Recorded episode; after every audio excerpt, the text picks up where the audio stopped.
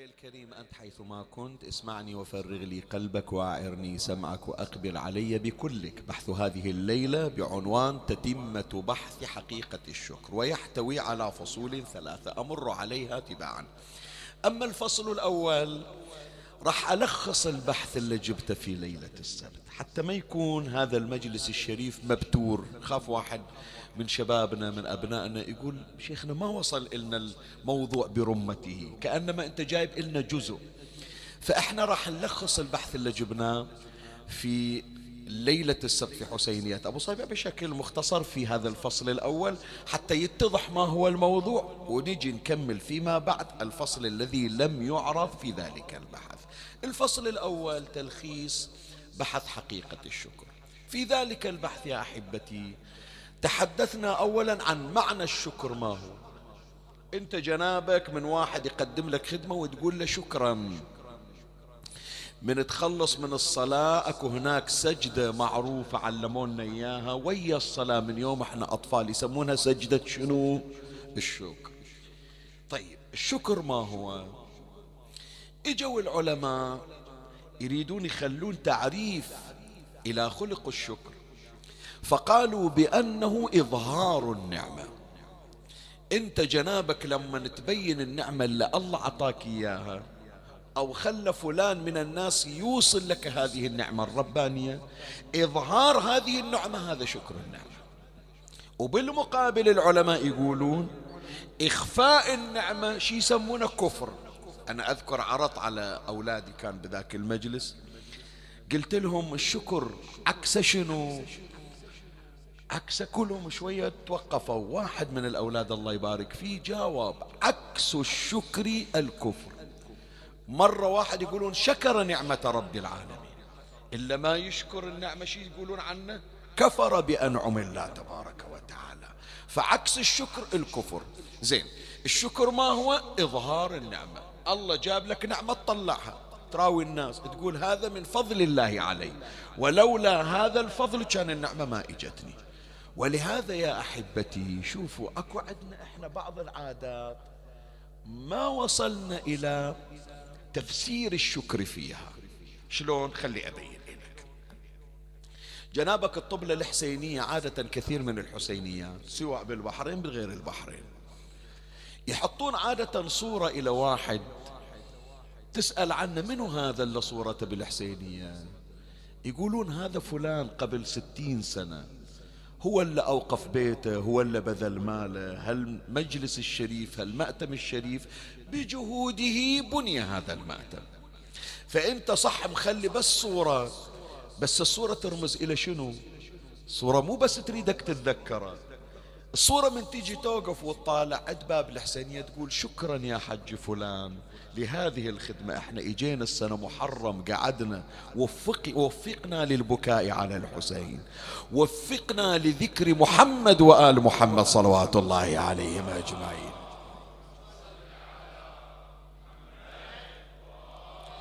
أنت مسهم أنت مساهم انت قدمت ولو بهذا الشيء اليسير ولو بهذه الرعاية ولو بهذه العناية فلولا دور قبل ستين سنة سبعين سنة كان ما قعدنا إحنا بهذا المجلس. فإحنا نقول لك شكرا لك. وهذا الشكر يا إخواني تقدم في البحث السابق. أنت من تشكر المخلوق تشكر منه تشكر الله تبارك وتعالى. فأنت من تشوف صورة إلى فلان أو فلان مثلا من المؤسسين بعض يقول ليش هذا المأتم للحسين صرف؟ لا أحط به ذكر فلان لا أحط فيه مثلا كذا اسم فلان ما إلى علاقة. لا ترى هي رمزية يا إخواني. أنت من فلان تشوفه وتترحم عليه. ومن يجي موسم عاشوراء يقولون للخطيب نهاية الموسم اذكر المؤسسين بالرحمة وترحم عليهم. ترى هذا شكر لله أن أنعم عليك بنعمة الحسين عليه السلام. ونعمة الحسين ساقها الله على يد على أيدي أناس موفقين.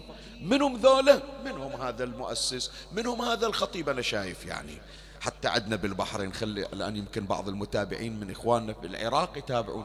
إحنا عندنا حسينيات بالبحرين أكثر من حسينية تدري لولا صورة المرحوم الشيخ عبد الزهر الكعبي رحمة الله عليه. إلى الآن من قبل تقريبا 45 سنة أو خم... شنو 45 سنة؟ من قبل 50 سنة أو 65 أو 60 سنة تقريبا.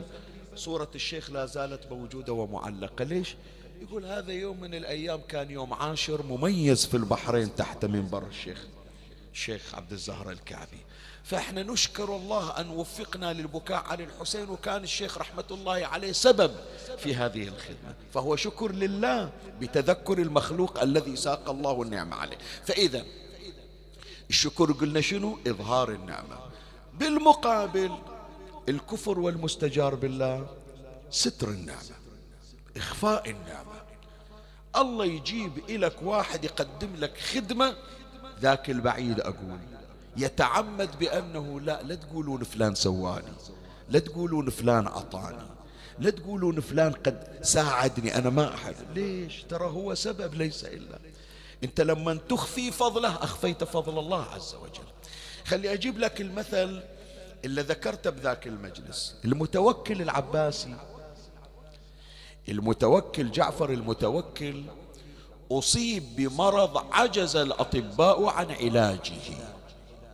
كل مستشارين حكماء أطباء إلا متخصصين بالجراحات وبالأمراض المستعصية واللي الدولة تنفق عليهم حتى يكونون كادر طبي حكومي إجوا كشفوا عليه قالوا هذا ما إلى علاج وما إلى دواء.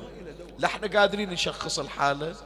ولا ولا قادرين نجيب له علاج ولا قادرين حتى نجيب له مسكن. وبين عليه بأنه صحة في تراجع وهو على وشك الهلاك عن قريب. يوم أيسوا من عنده أم المتوكل أم جعفر المتوكل. دارت براسها وين تروح؟ تصك وجهها وين؟ عرفت بأن هناك ولي من الأولياء. دعوته لا ترد. وهو الإمام علي بن محمد الهادي صلوات الله عليه. طلعت أم المتوكل من قصرها اجت إلى بيت الإمام الهادي عليه السلام.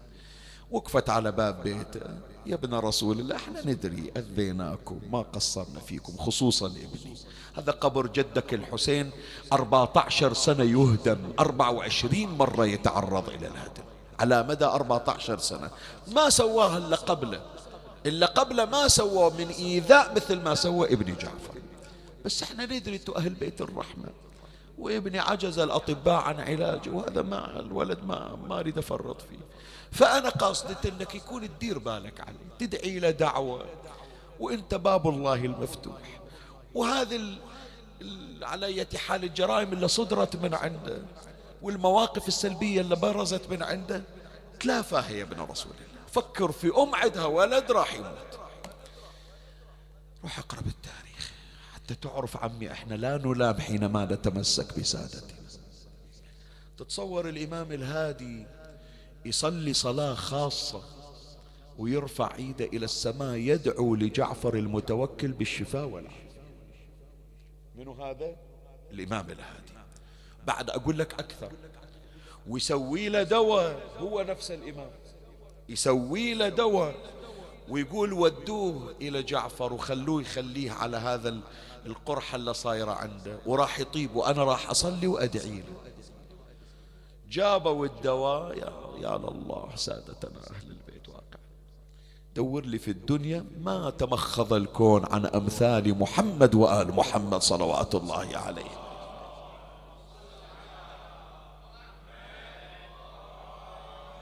جابوا له الدواء قال هذا تاليها هالدواء أخليه علي أفضل الأطباء عندي ما عالجوني يعالجني علي بن مو... قال له أنت ما يخالف شيء يضرك ما بقى ما بقى علاج إلا استخدمته فاد فاد ما فاد مو خاسر في كل الأحوال متابع خلى الدواء عليه ما هي إلا سويعات. وإذا لكان قد أوشك على الهلاك يشافى ببركة الإمام الهادي عليه. اللهم صل على محمد وآل محمد وجل فرجه الشاهد الرباط يا إخواني إحنا غرضنا من القضية شنو؟ شكر شكر الإمام الهادي شلون كان؟ المتوكل شلون شكر الإمام؟ وحقق زج به في سجن وأطلق عليه السباع يريد قتله.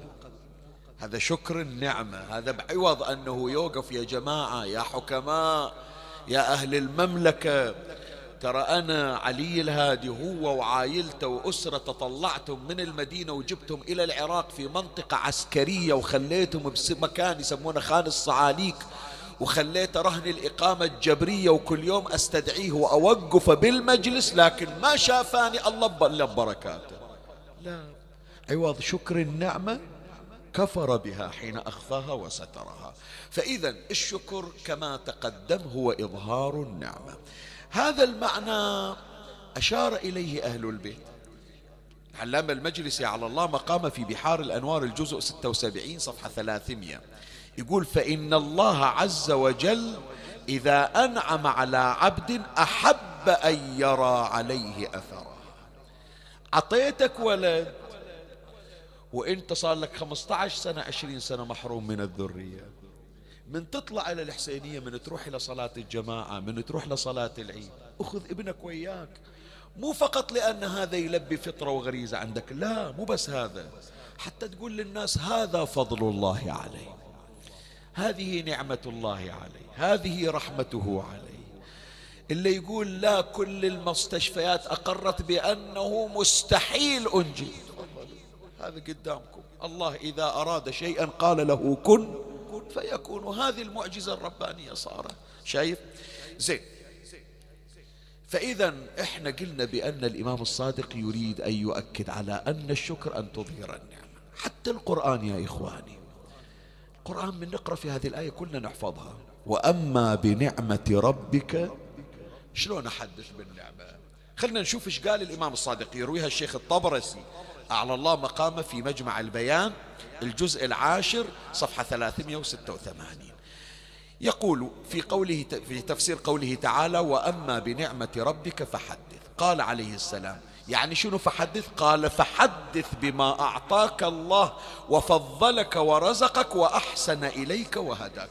النعم الربانية اقعد ويا الناس احكي بيها حتى تكون أنت وسيلة لتقريب الناس إلى الله عز وجل. هذا الآيس من رحمة الله. من يشوفك أنت؟ ليش يا إخواني ما يخالف خلي شوية صدرك متسع لتلقي هالكلمة البعض عنده حساسية. إيه ليش تسولفون على المنبر؟ فلان شوفي ببركة الحسين فلان شوفي ببركة موسى ابن جعفر الكاظم. بعضهم يقول بأن هذا الترويج على المنبر الشخص المفلس جاي يذكرها على المنبر. زين شوية سؤال جماعة أريد من عندكم جواب تردون علي. منبر الشيخ الوائلي منبر مفلس. شو تقولون؟ الشيخ الوائلي الدكتور الوائلي. منبره منبر مفلس. لو لا منبر غني ثري ولا زال يثري ويغني. طيب إذا كان هو من أغنى المنابر شو اللي يجبر الشيخ الوائلي يذكر قصة بنته وشفائها ببركة الإمام موسى ابن جعفر؟ سؤال أسأل. عينها اللي تلفت. انت مر عليك القضية لو ما مر عليك. خاف العنوان بس مر عليك. ترى العين وقعت تدري لو لا؟ العين العين نفسها حدقة العين وقعت أصلا. وكانت في حالة تشوه والعمى خلاص محرز عند الأطباء. الآن تشوه راح يكون. هي أسبوع بس طلع الشيخ الوائلي هي بنته وموثق الكلام. طلع الشيخ الوائلي من المستشفى ببغداد وإجا مشاي إلى الكاظمية. وقف عند الضريح. وقال له سيدي إحنا ننقل فضايلكم على المنبر. شوف يعني هذه مهمة الشيخ الوائلي هذا بلسانه يقول مهمتي حتى لما أسوي لي بحث تفسيري وحتى لما أجيب معلومات عامة. ترى المحور اللي أنا أسس عليه مجلسي شنو؟ ذكر فضائل محمد وآل محمد صلوات الله عليهم أجمعين.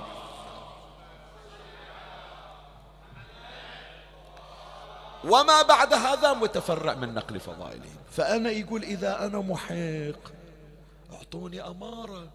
لا يقول لي واحد أنت بس تقرأ لي سطور. لا يقول لي واحد أنت بس تفتح كتاب وتقرأ لك صفحتين وتحكيها على المنبر. لو هو صدق موسى بن جعفر صاحب فضائل إن كان وشف فزعلك ووقف لك. فيقول أريد من عندك برهان وعلامة. أسبوع واحد وبنت إلى أن توفيت الأطباء يقولون العين المصابة أصح من العين السليمة ببركة باب الحوائج. موسى ابن جعفر عليه السلام. سلام الله يعني.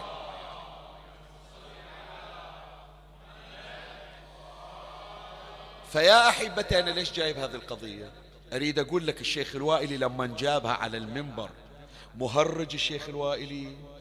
رد علي أريد أسمع من عندك. مهرج. ذاك اليوم الشيخ الوائلي مو محضر ما عنده حكاية جاب هالسالفة. لو إلى غرض إلى غرض طبعا. ومو بس هي ترى مية كم مرة بمرة؟ ردوا علي. كم مرة بمرة؟ واحدة ويا بنته خاف بعضكم ما يدري. أصيب بالسرطان في حنجرته. وتشفع بالإمام الرضا عليه السلام. ما يقدر يروح إلى مشهد. كتب قصيدة إلى الإمام الرضا قال ودوها إلى.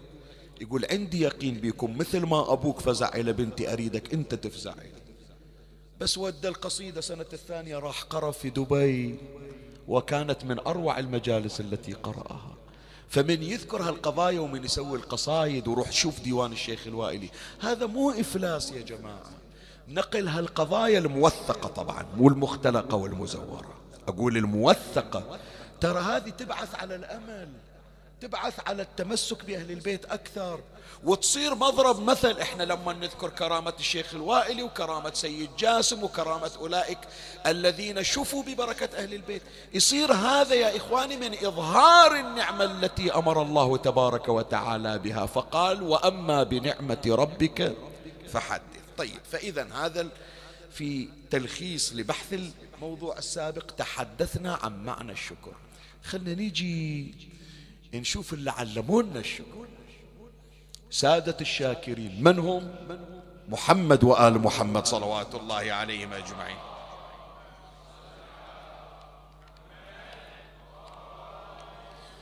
راح أذكر لك هي الرواية بس أحتاج من وراها صلوات مرتفعة تثلج صدر إمامنا الحجة بن الحسن عجل الله فرجه الشريف. اللهم صل على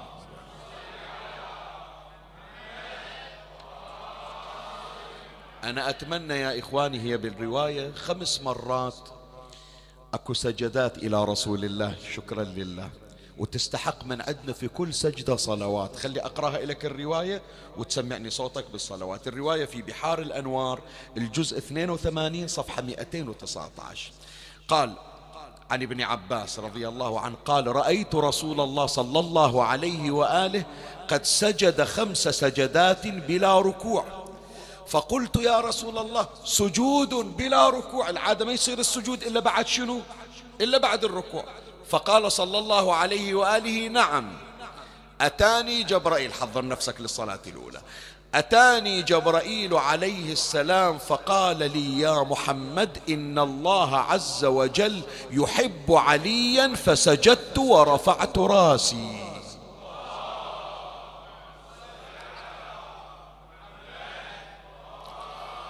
خلي الصلاة الثانية تكون أرفع. فقال لي إن الله عز وجل يحب فاطمة فسجدت ورفعت راسي.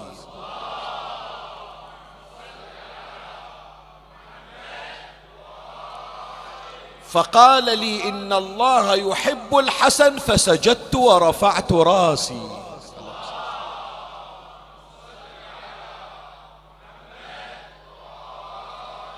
فقال لي إن الله يحب الحسين فسجدت ورفعت راسي.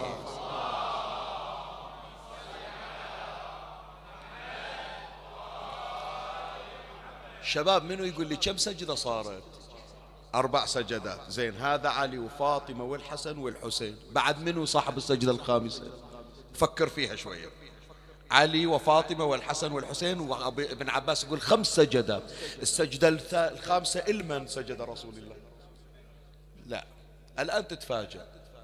منو؟ أحسن. إلكم أنتم القاعدين. شوف النبي شو يقول؟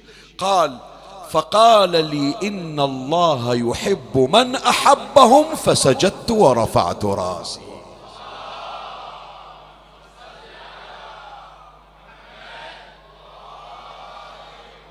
تعرف إيش معناته هذا حبيب قلبي أنت؟ شفت قعدتنا هذه بالمجلس الآن؟ شفت هذا المجلس الذي هو مفعم بالصلوات وبنور ذكرهم؟ ترى رسول الله صلى الله عليه وآله الآن ساجد يشكر الله على نعمة تواجدنا في مجلس نذكره فيه ونذكر أهله. هذه نعمة يا إخواني ينبغي دائما أن نشكر الله عليها. من تشوف ابنك بابا من وين جاي؟ والله الليلة الموكب تونا مخلصين وجاي يقول الحمد لله الله أعطاني ولد موفق لخدمة أهل البيت ومسخر لمحبتي. ما أعطاني ولد هايت ما أعطاني ولد كل يوم جايين مرافعين عليه شكوى. ما أسمع عن ولدي كل يوم مأذي ناس ومتصور على بيت فلان. أعطاني ولد يقولون شفنا ولدك في الموكب شفنا ولدك في المشاية. شفنا ولدك في أماكن الطاعة تنبغي دائما ينبغي دائما شكر الله على نعمة ولاية محمد وآل محمد صلوات الله عليهم.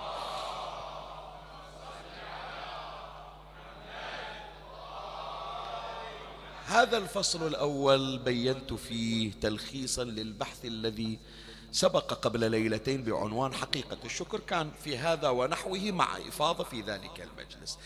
في هذا الفصل راح نجيب الفصل اللي ما جبناه في ذاك المجلس. كيف نكون شاكرين؟ كلنا إحنا نتمنى يا إخواني نصير من عباد الله الشكورين. كيف أتمكن وكيف أصل إلى درجة الشاكرين؟ واقعا أهل البيت وصفوا لنا. أولا حتى تكون شاكرا. لا بد أن تؤدي حق النعمة التي أنعم الله تبارك وتعالى بها عليك. هي النعم اللي أنت فيها نعمة الصحة نعمة العافية نعمة الأرزاق نعمة محبة الناس نعمة الذرية الصالحة نعمة الإيمان والتدين. هذه دائما ينبغي أن تعرف قدرها وتؤدي حقها. شلون؟ أولا بشكر القلب. الحديث عن الإمام الصادق عليه السلام. يرويها العلامة المجلسي على الله مقام في بحار الأنوار. الجزء 75 صفحة 252 قال من أنعم الله عليه نعمة فعرفها بقلبه وعلم أن المنعم عليه فقد أدى شكرها وإن لم يحرك لسانه. مجرد أنه يعتقد في قلبه بأنه هذه النعمة من عند رب العالمين. هذا ابتدى يؤدي شكر النعمة. لما يعتقد في قلبه بأنه يعيش تحت نعم الله. خلي شوية أوقف وياك عند هالعبارة. تهمني أنه أتعرض إلى. سؤال يمكن ما أدري ومر على أذهان حضراتكم لولا. يقولون بأن الذي ينتحر يسمونه كافر. ما مر علينا الشخص هذا لابد أنه نحذر أنفسنا ونحذر أولادنا. وهذه رسالة يمكن يقولون دفع دخل دفع دخل يعني شنو؟ يعني دفع إشكال مقدر قبل لا واحد يتكلم لأن قليل اللي يحجون في هالقضية هذه. أكو بعض الأشخاص عندهم يأس. أكو بعض الأشخاص تمر عليهم المصايب وتصير يصيرون في حالة إحباط وفي حالة يأس ويرون الدنيا سوداء يقررون الانتحار. شكد شكد كانت تجينا رسائل إلى الآن أسولف لكم يا إخوان. بعضهم هالشكل في كلامه يقول شيخنا من زود المصايب والله من أسد الباب على نفسي وأقعد أبكي أقول يا ري ما أدري أنتحر وأفتاك. مع العلم هذا اللي يسولف ترى يمكن من رواد المجالس من رواد صلاة الجماعة. طيب إحنا نعرف بأن الذي يزهق نفسه وينتحر والمستجار بالله آيس من رحمة الله. ويسمونه كافر. هل هو كافر فعلا؟ شو تقولون؟ شوية فكر فيها. ورد هل هو كافر؟ المنتحر اللي يقتل نفسه كافر؟ زين ليش مو كافر؟ أبسط جواب يا إخواني لو كان كافر ما أدفن في مقابر المسلمين. صحيح لو لا؟ أنت ما شايف هذا المنتحر جابوه غسلوه كفنوه جابوه شيخ صلى عليه ودفنوه في مقابر المسلمين باتجاه القبلة؟ إذا كافر شلون يدفنونه في مقابر المسلمين؟ هذا يا إخواني مبتلى بس أكو شيء تعريف آخر. أكو شيء يسمونه كافر بالمعنى الخاص وكافر بالمعنى العام.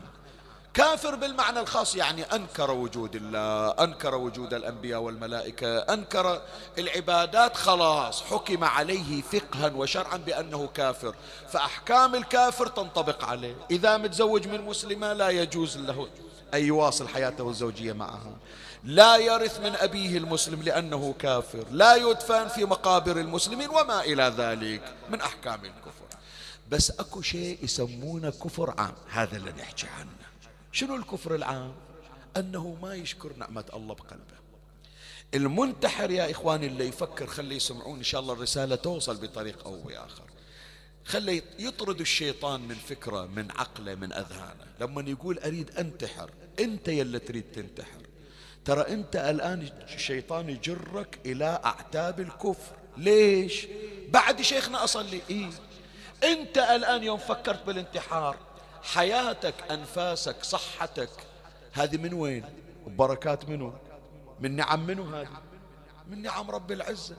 فلما تقول الله ما ما نفعني بشيء الله ما فرج عني الله ما يحبني لو يحبني كان ما صرت في هالورطة. يعني كفرت ببقية أنعم الله. فأنت كافر بالمعنى العام حتى ولو كنت تصلي وتصوم وتؤدي تلك الأعمال. دير بالك إبليس ياخذك من المعنى العام ويقودك إلى المعنى الخاص والمستجار بالله. فتكفر بالله تماما. فإذا يا إخواني أول أداء حق نعم الله شكر النعم بالقلب. ثانيا شكر الجوارح. شكر الجوارح شنو يعني؟ هذه العين هذا اللسان هذا اليد هذه الرجل الجوارح هذه. أشكر الله عليها. شلون أشكر الله عليها؟ منو يقول لي؟ شكر الله على هذه النعم. نعم الجوارح أن لا تعصي الله تبارك وتعالى. يقول الإمام الصادق عليه السلام في بحار الأنوار الجزء 68 صفحة 40 قال شكر النعمة اجتناب المحارم. وتمام الشكر يعني حتى توصل إلى كمال الشكر وتمام الشكر. قال قول الرجل الحمد لله رب العالمين. أحبائي إحنا في أي شهر عربي الآن؟ ذو القعدة الشهر الجاي أي شهر؟ شهر ذو الحجة يوم تاسع عندنا دعاء كل المساجد والمآتم راح تسطع به شو يسمونه دعاء؟ شنو؟ دعاء عرفة. دعاء عرفة إلمن للإمام الحسين عليه السلام. خلي أقرأ لك فقرة حتى أشوقك. الحجاج اللي راح يروحون لينسونا من يقرون الدعاء والزوار اللي راح يروحون عرفة لينسونا من الدعاء. وهم أيضا أنتم من تقرون يوم عرفة يا إخواني لا تنسونا من الدعاء. ونذكركم إن شاء الله. شوف الإمام الحسين عليه السلام ماذا يقول. بس سريعا أريد أنوه يعني الآن على وشك أنه نختم حديثنا. أحبائي الدعاء هذا طبعا دعاء طويل. كما هو معلوم. يعني ناخذ فيه تقريبا ساعة نقرأ صحيح لو لا؟ ثم في مفردات يمكن صعبة. مسارب وآذاني مش مش نعم غيرها من مثلا المصطلحات اللي جابها الإمام سلام الله عليه شراسيف صدري. فلهذا البعض يتوفق أنه يبكي من خشية الله بس مو عارف المعاني. حتى توفق للوصول إلى سر الدعاء. من الآن ابتدي تقرأ. مر عليه. شوف شروحاته. حتى من تجي يوم عرفة مهيأ روحيا ونفسيا لتلقي خفاياه وأسراره خلي أقرأ لك بس هي العبارة حتى أختم هالمطلب هذا. إمامنا الحسين عليه السلام يقول فبأي شيء أستقبلك يا مولاي؟ أبسمعي أم ببصري أم بلساني أم برجلي؟ أليس كلها نعمك عندي؟ وبكلها شنو؟ وبكلها عصيتك يا مولاي إلا راحوا الحج عندي بالمجلس ولا يسمعونا عبر البث الافتراضي. تتذكرون من نقرأ الدعاء في الحج؟ ونوصف ونوصل بالذات عند هالفقرة هذه. شو يصير بالخيمة من تقرأ الدعاء؟ أوه. أشوقكم إن شاء الله حتى نكون من حجاج بيت الله الحرام. يصير حالة هستيرية من البكاء تقول بكاء ما تشوفه إلا في مثل أيام عاشوراء. بس هذا من خشية الله. خصوصا من ال... يجي القارئ أو المقرئ يقرأ هذه العبارة. أنا الذي عصيت أنا الذي أذنبت أنا الذي أخطأت أنا الذي وعدت أنا الذي أخلفت. شي يصير عمي؟ بذاك الحضور شنو من جلسة روحانية؟ الحمد لله الذي من علينا بعطايا الحسين بن علي سلام الله شفت الحسين شلون يربي الأرواح؟ ويربي القلوب ويرجع الناس إلى طريق الله. اللهم زدنا حبا في سادتنا محمد وآل محمد صلوات الله عليهم أجمعين.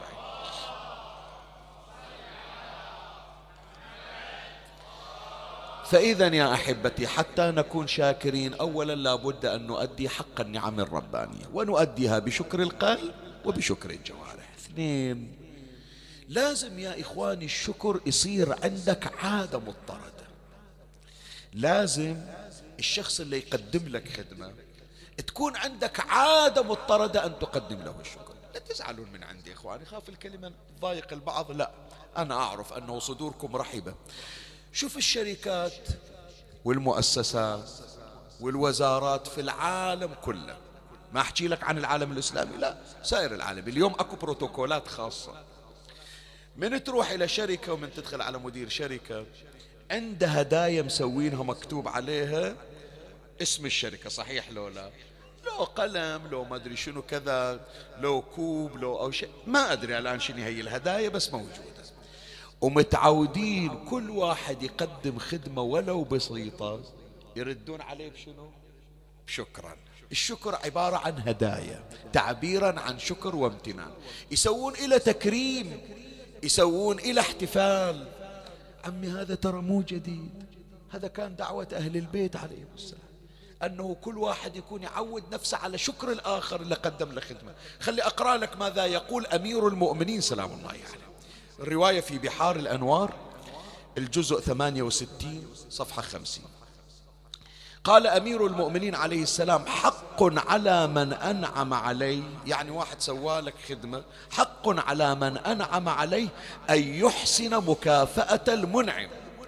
فإن قصر عن ذلك وسعه يعني لو ما قدر يقدم له هدية أو شيء فعليه أن يحسن الثناء.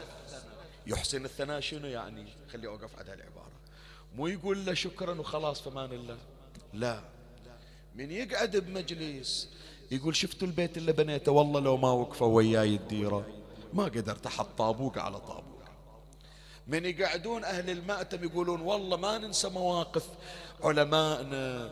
ما ننسى مواقف مثلا الشيخ صنقور شيخ أبو جعفر سماحة الشيخ الله يحفظه الشيخ الربيع حسن الله يذكره بالخير. سماحة السيد جواد الله. شوف شلون ذكره مر وهذا من فيوضه ثلاث سنوات أنا قريت شهر رمضان بهذا المكان المطاهر.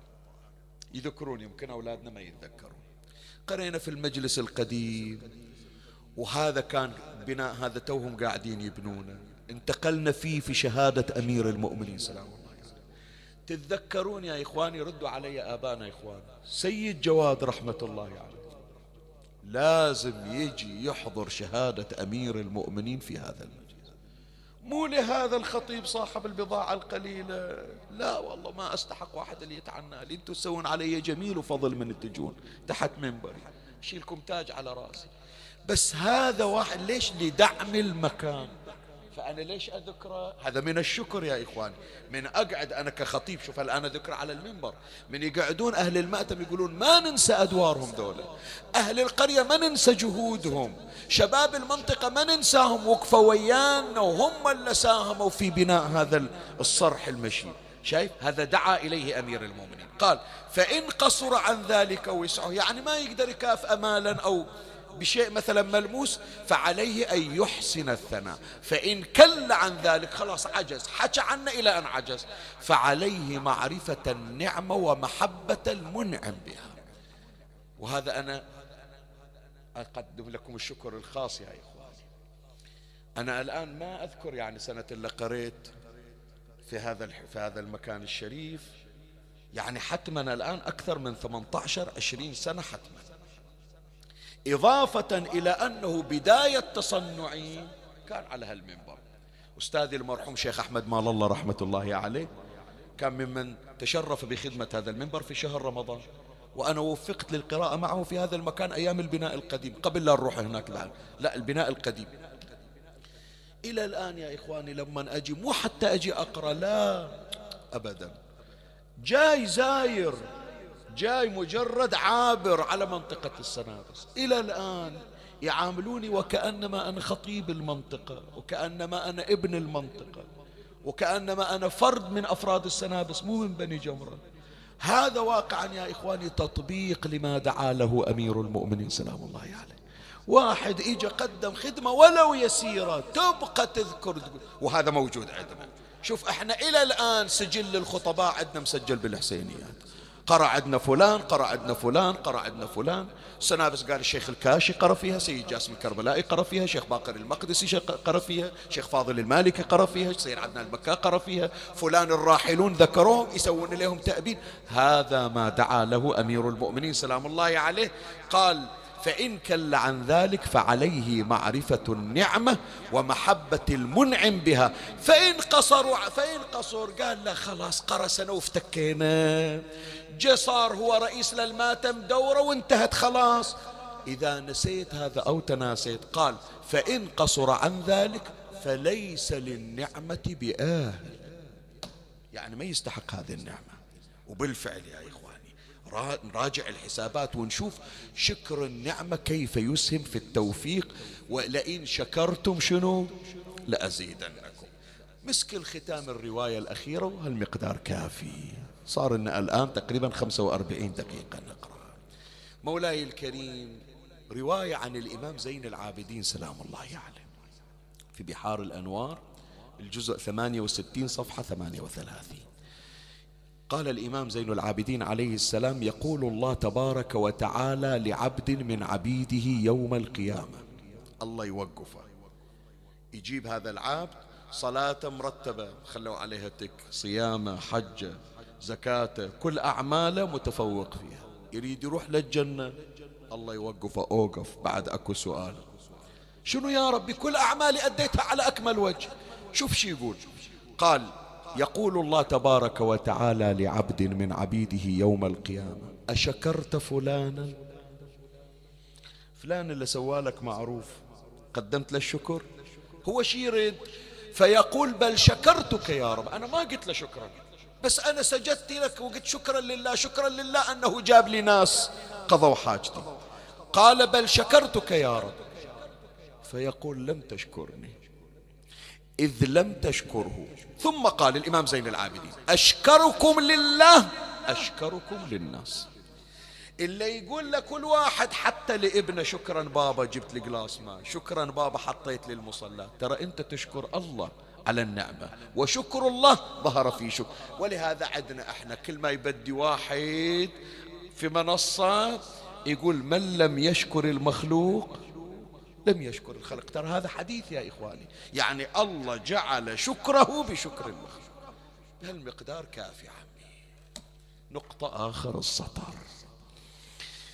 بس الفصل الثالث هو الختام هو الجوريز مثل ما يقولوا. أكو قضية يذكرونها الخطباء الليلة مجلسنا طالبين أهالي الفقيدة أنه نختم على ذكر قاضية الحاجات أم البنين. سلام الله عليها. يدخيلها مولاتي. مألوف عند الخطباء أنه من وصلت مولاتي زينب عليه السلام إلى المدينة؟ منو إجا إلها يستقبلها؟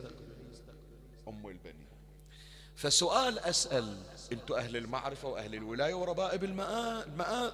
المآتم والمنابر. منو اللي زار الثاني؟ زينب زارت أم البنين لو أم البنين زارت زينب. خلي أسماء عطني. من هالجانب شو تقولون؟ أم البنين اللي زارت زينب. من هالجانب أحبائنا أم البنين اللي زارت. أنا سمعت هالصوب قال زينب زارت أم البنين. عدل هو الواقع كلامه صحيح.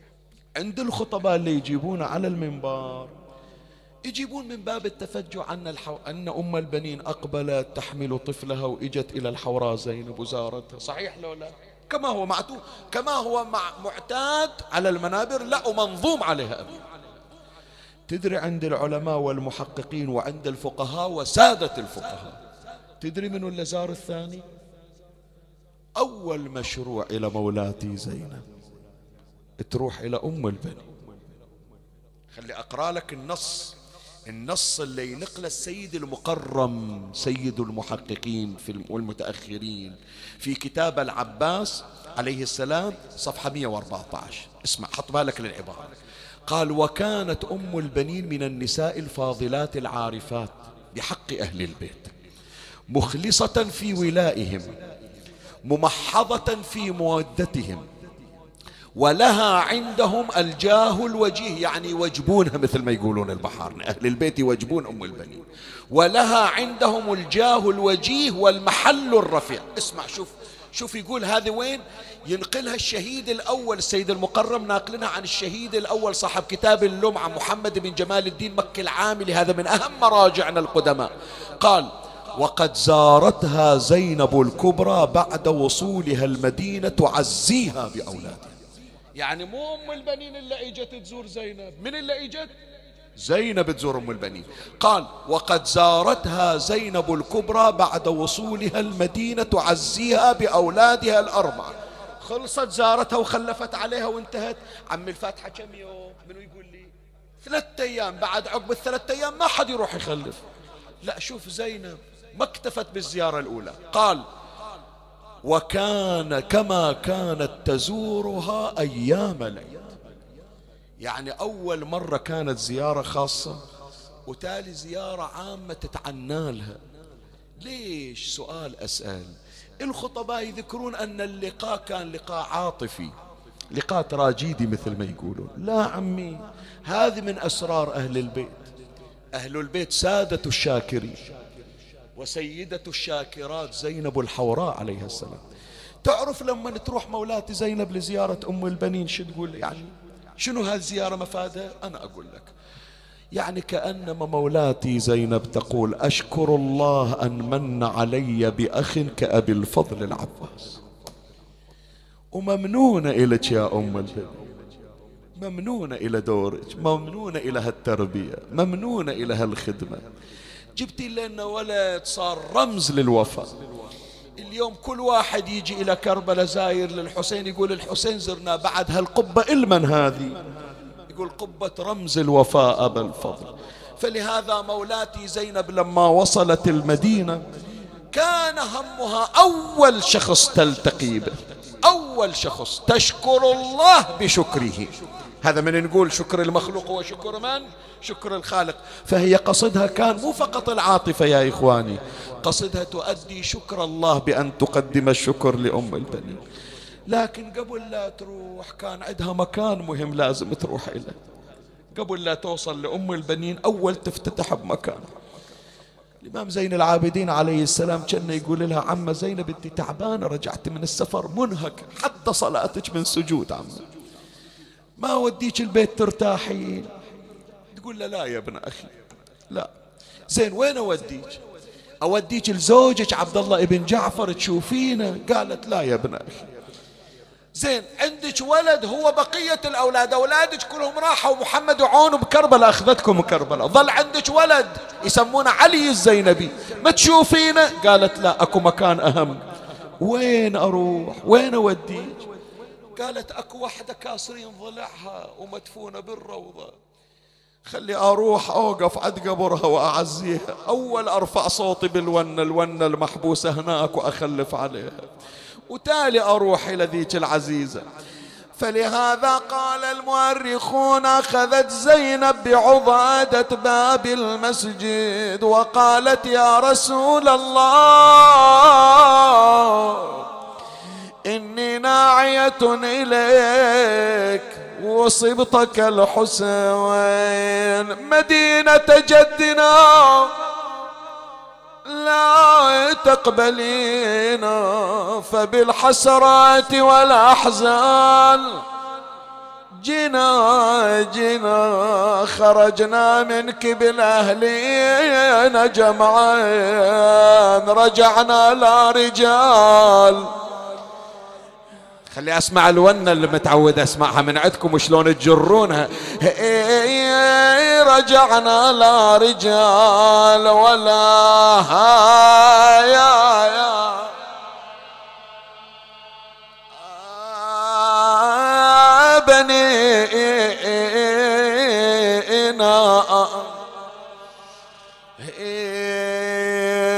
يا جد ما تخوي حسين ضامي ضامي. بشط العلقم والماي طامي بشط العلقم والماء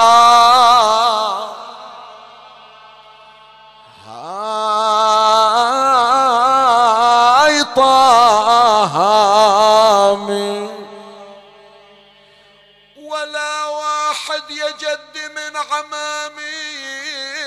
يمد الاظلال يا جدي عن الحار يمد الاظلال يا جدي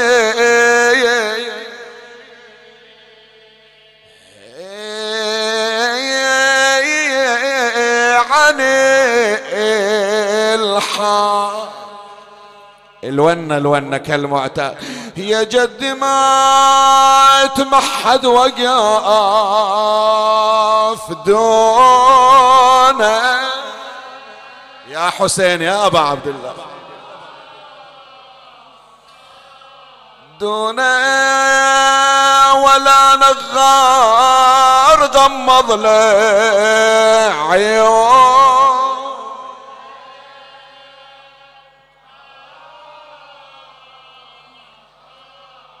جدي عالج بالشمس مخطوف. لونه لونه شوف البيت شي يقول. يا جدي ولا واحد بحلقة ما يقطر. ولا واحد بحلقة ما يا يا يا يقطر. عزت النبي عزت فاطمة طلعت زينب مولاتي تمشي بموكب نسائي. وقفت على باب حجرة أبو فاضل. صحيت صوت آية فقد الأحباب. الأحباب الأحباب والله مو حشا يا دور الأطياب. هناك وسمعت الصرخة ورا الباب. أنا بعباس جيتك يا أختي الحسين فتحت الباب أم البنين. وإذا زينب واقفة والعلويات وراها. قامت شافت النسوان أول ما التفتت زينب قبل لا تدخلين. سؤال اسألك آمر يما تدللي صحت اسألك على راعي المحنة. المحنة إيش سوى الخواتم من خنة اعطيني مهلة ابوس إيدك زينب زينب إن كان مو راضين. عنا عنا لروح الكربلة وعاتبا أنا لروح الكربلة وعاتبا وحرم حليب الرضا من. اي عشرة عشرة عاشرت الحزن والنوح. هذا بيت الختام اطلب مرادك من أم البنين خليها البيت أسمع عشرة كل المجلس يقرأ وياي. عشرة عاشرت الحزن والنوح. عشرة يا يا يا وأقول الوفا ما وفيت. عشرة يا أم البنين تقول لو أنا عندي من الأولاد عشرة بعتهم على الزهرة الزكي يا أنا بعتهم على الزهرة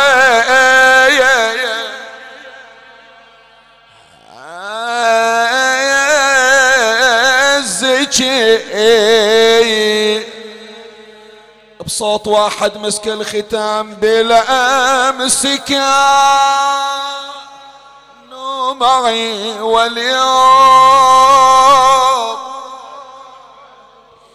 وخلفوا في سويد القلب نيران. نذرون عليه ينعاد لأزرعن طريق الطاف. ريحانا ألا لا تزان الدار إلا بأهلها على الدار بعد الراحلين اللهم صل على محمد وآل محمد. ارفعوا أيديكم بالدعاء يا إخواني. بك يا الله بمحمد بعلي بفاطمة بالحسن بالحسين بعلي بمحمد بجعفر بموسى بعلي بمحمد بعلي بالحسن بالحجة ابن الحسن بجاه مولاتنا أم البنين بجاه ولدها كاشف الكرب عن وجه أخيه الحسين. اقض حوائجنا يا الله. عشر مرات نكررها جميعا. يا الله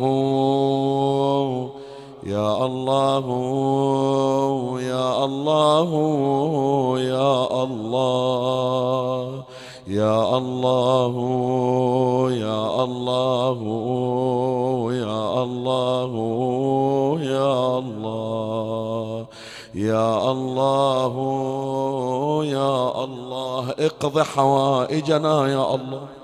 فرج عنا يا الله فك أسرانا يا الله رد غرباءنا يا الله. من كان محروما من الذرية ارزقه الذرية الصالحة. أصلح لنا في أولادنا وبناتنا. تفضل على المرضى بالشفاء والعافية لا سيما المنظورين. من اجتمعنا بسببها المرحومة صفية راضي أحمد. حبيب اللهم صل وحدتها وآنس وحشتها وسكر روعتها. خفف اللهم عنها ثقل الثرى. اغفر لنا ولها يوم يقوم الحساب. عجل اللهم فرج إمامنا صاحب العصر والزمان. شرفنا برؤيته وارزقنا شرف خدمته. ترحم على أمواتي وأموات الباذلين والمؤسسين والمؤمنين سيما من لا يذكره ذاكر ولا يترحم عليه مترحم. أوصل لهم ولها ثواب هذا المجلس الشريف وبلغهم ثواب الفاتحة مع الصلوات.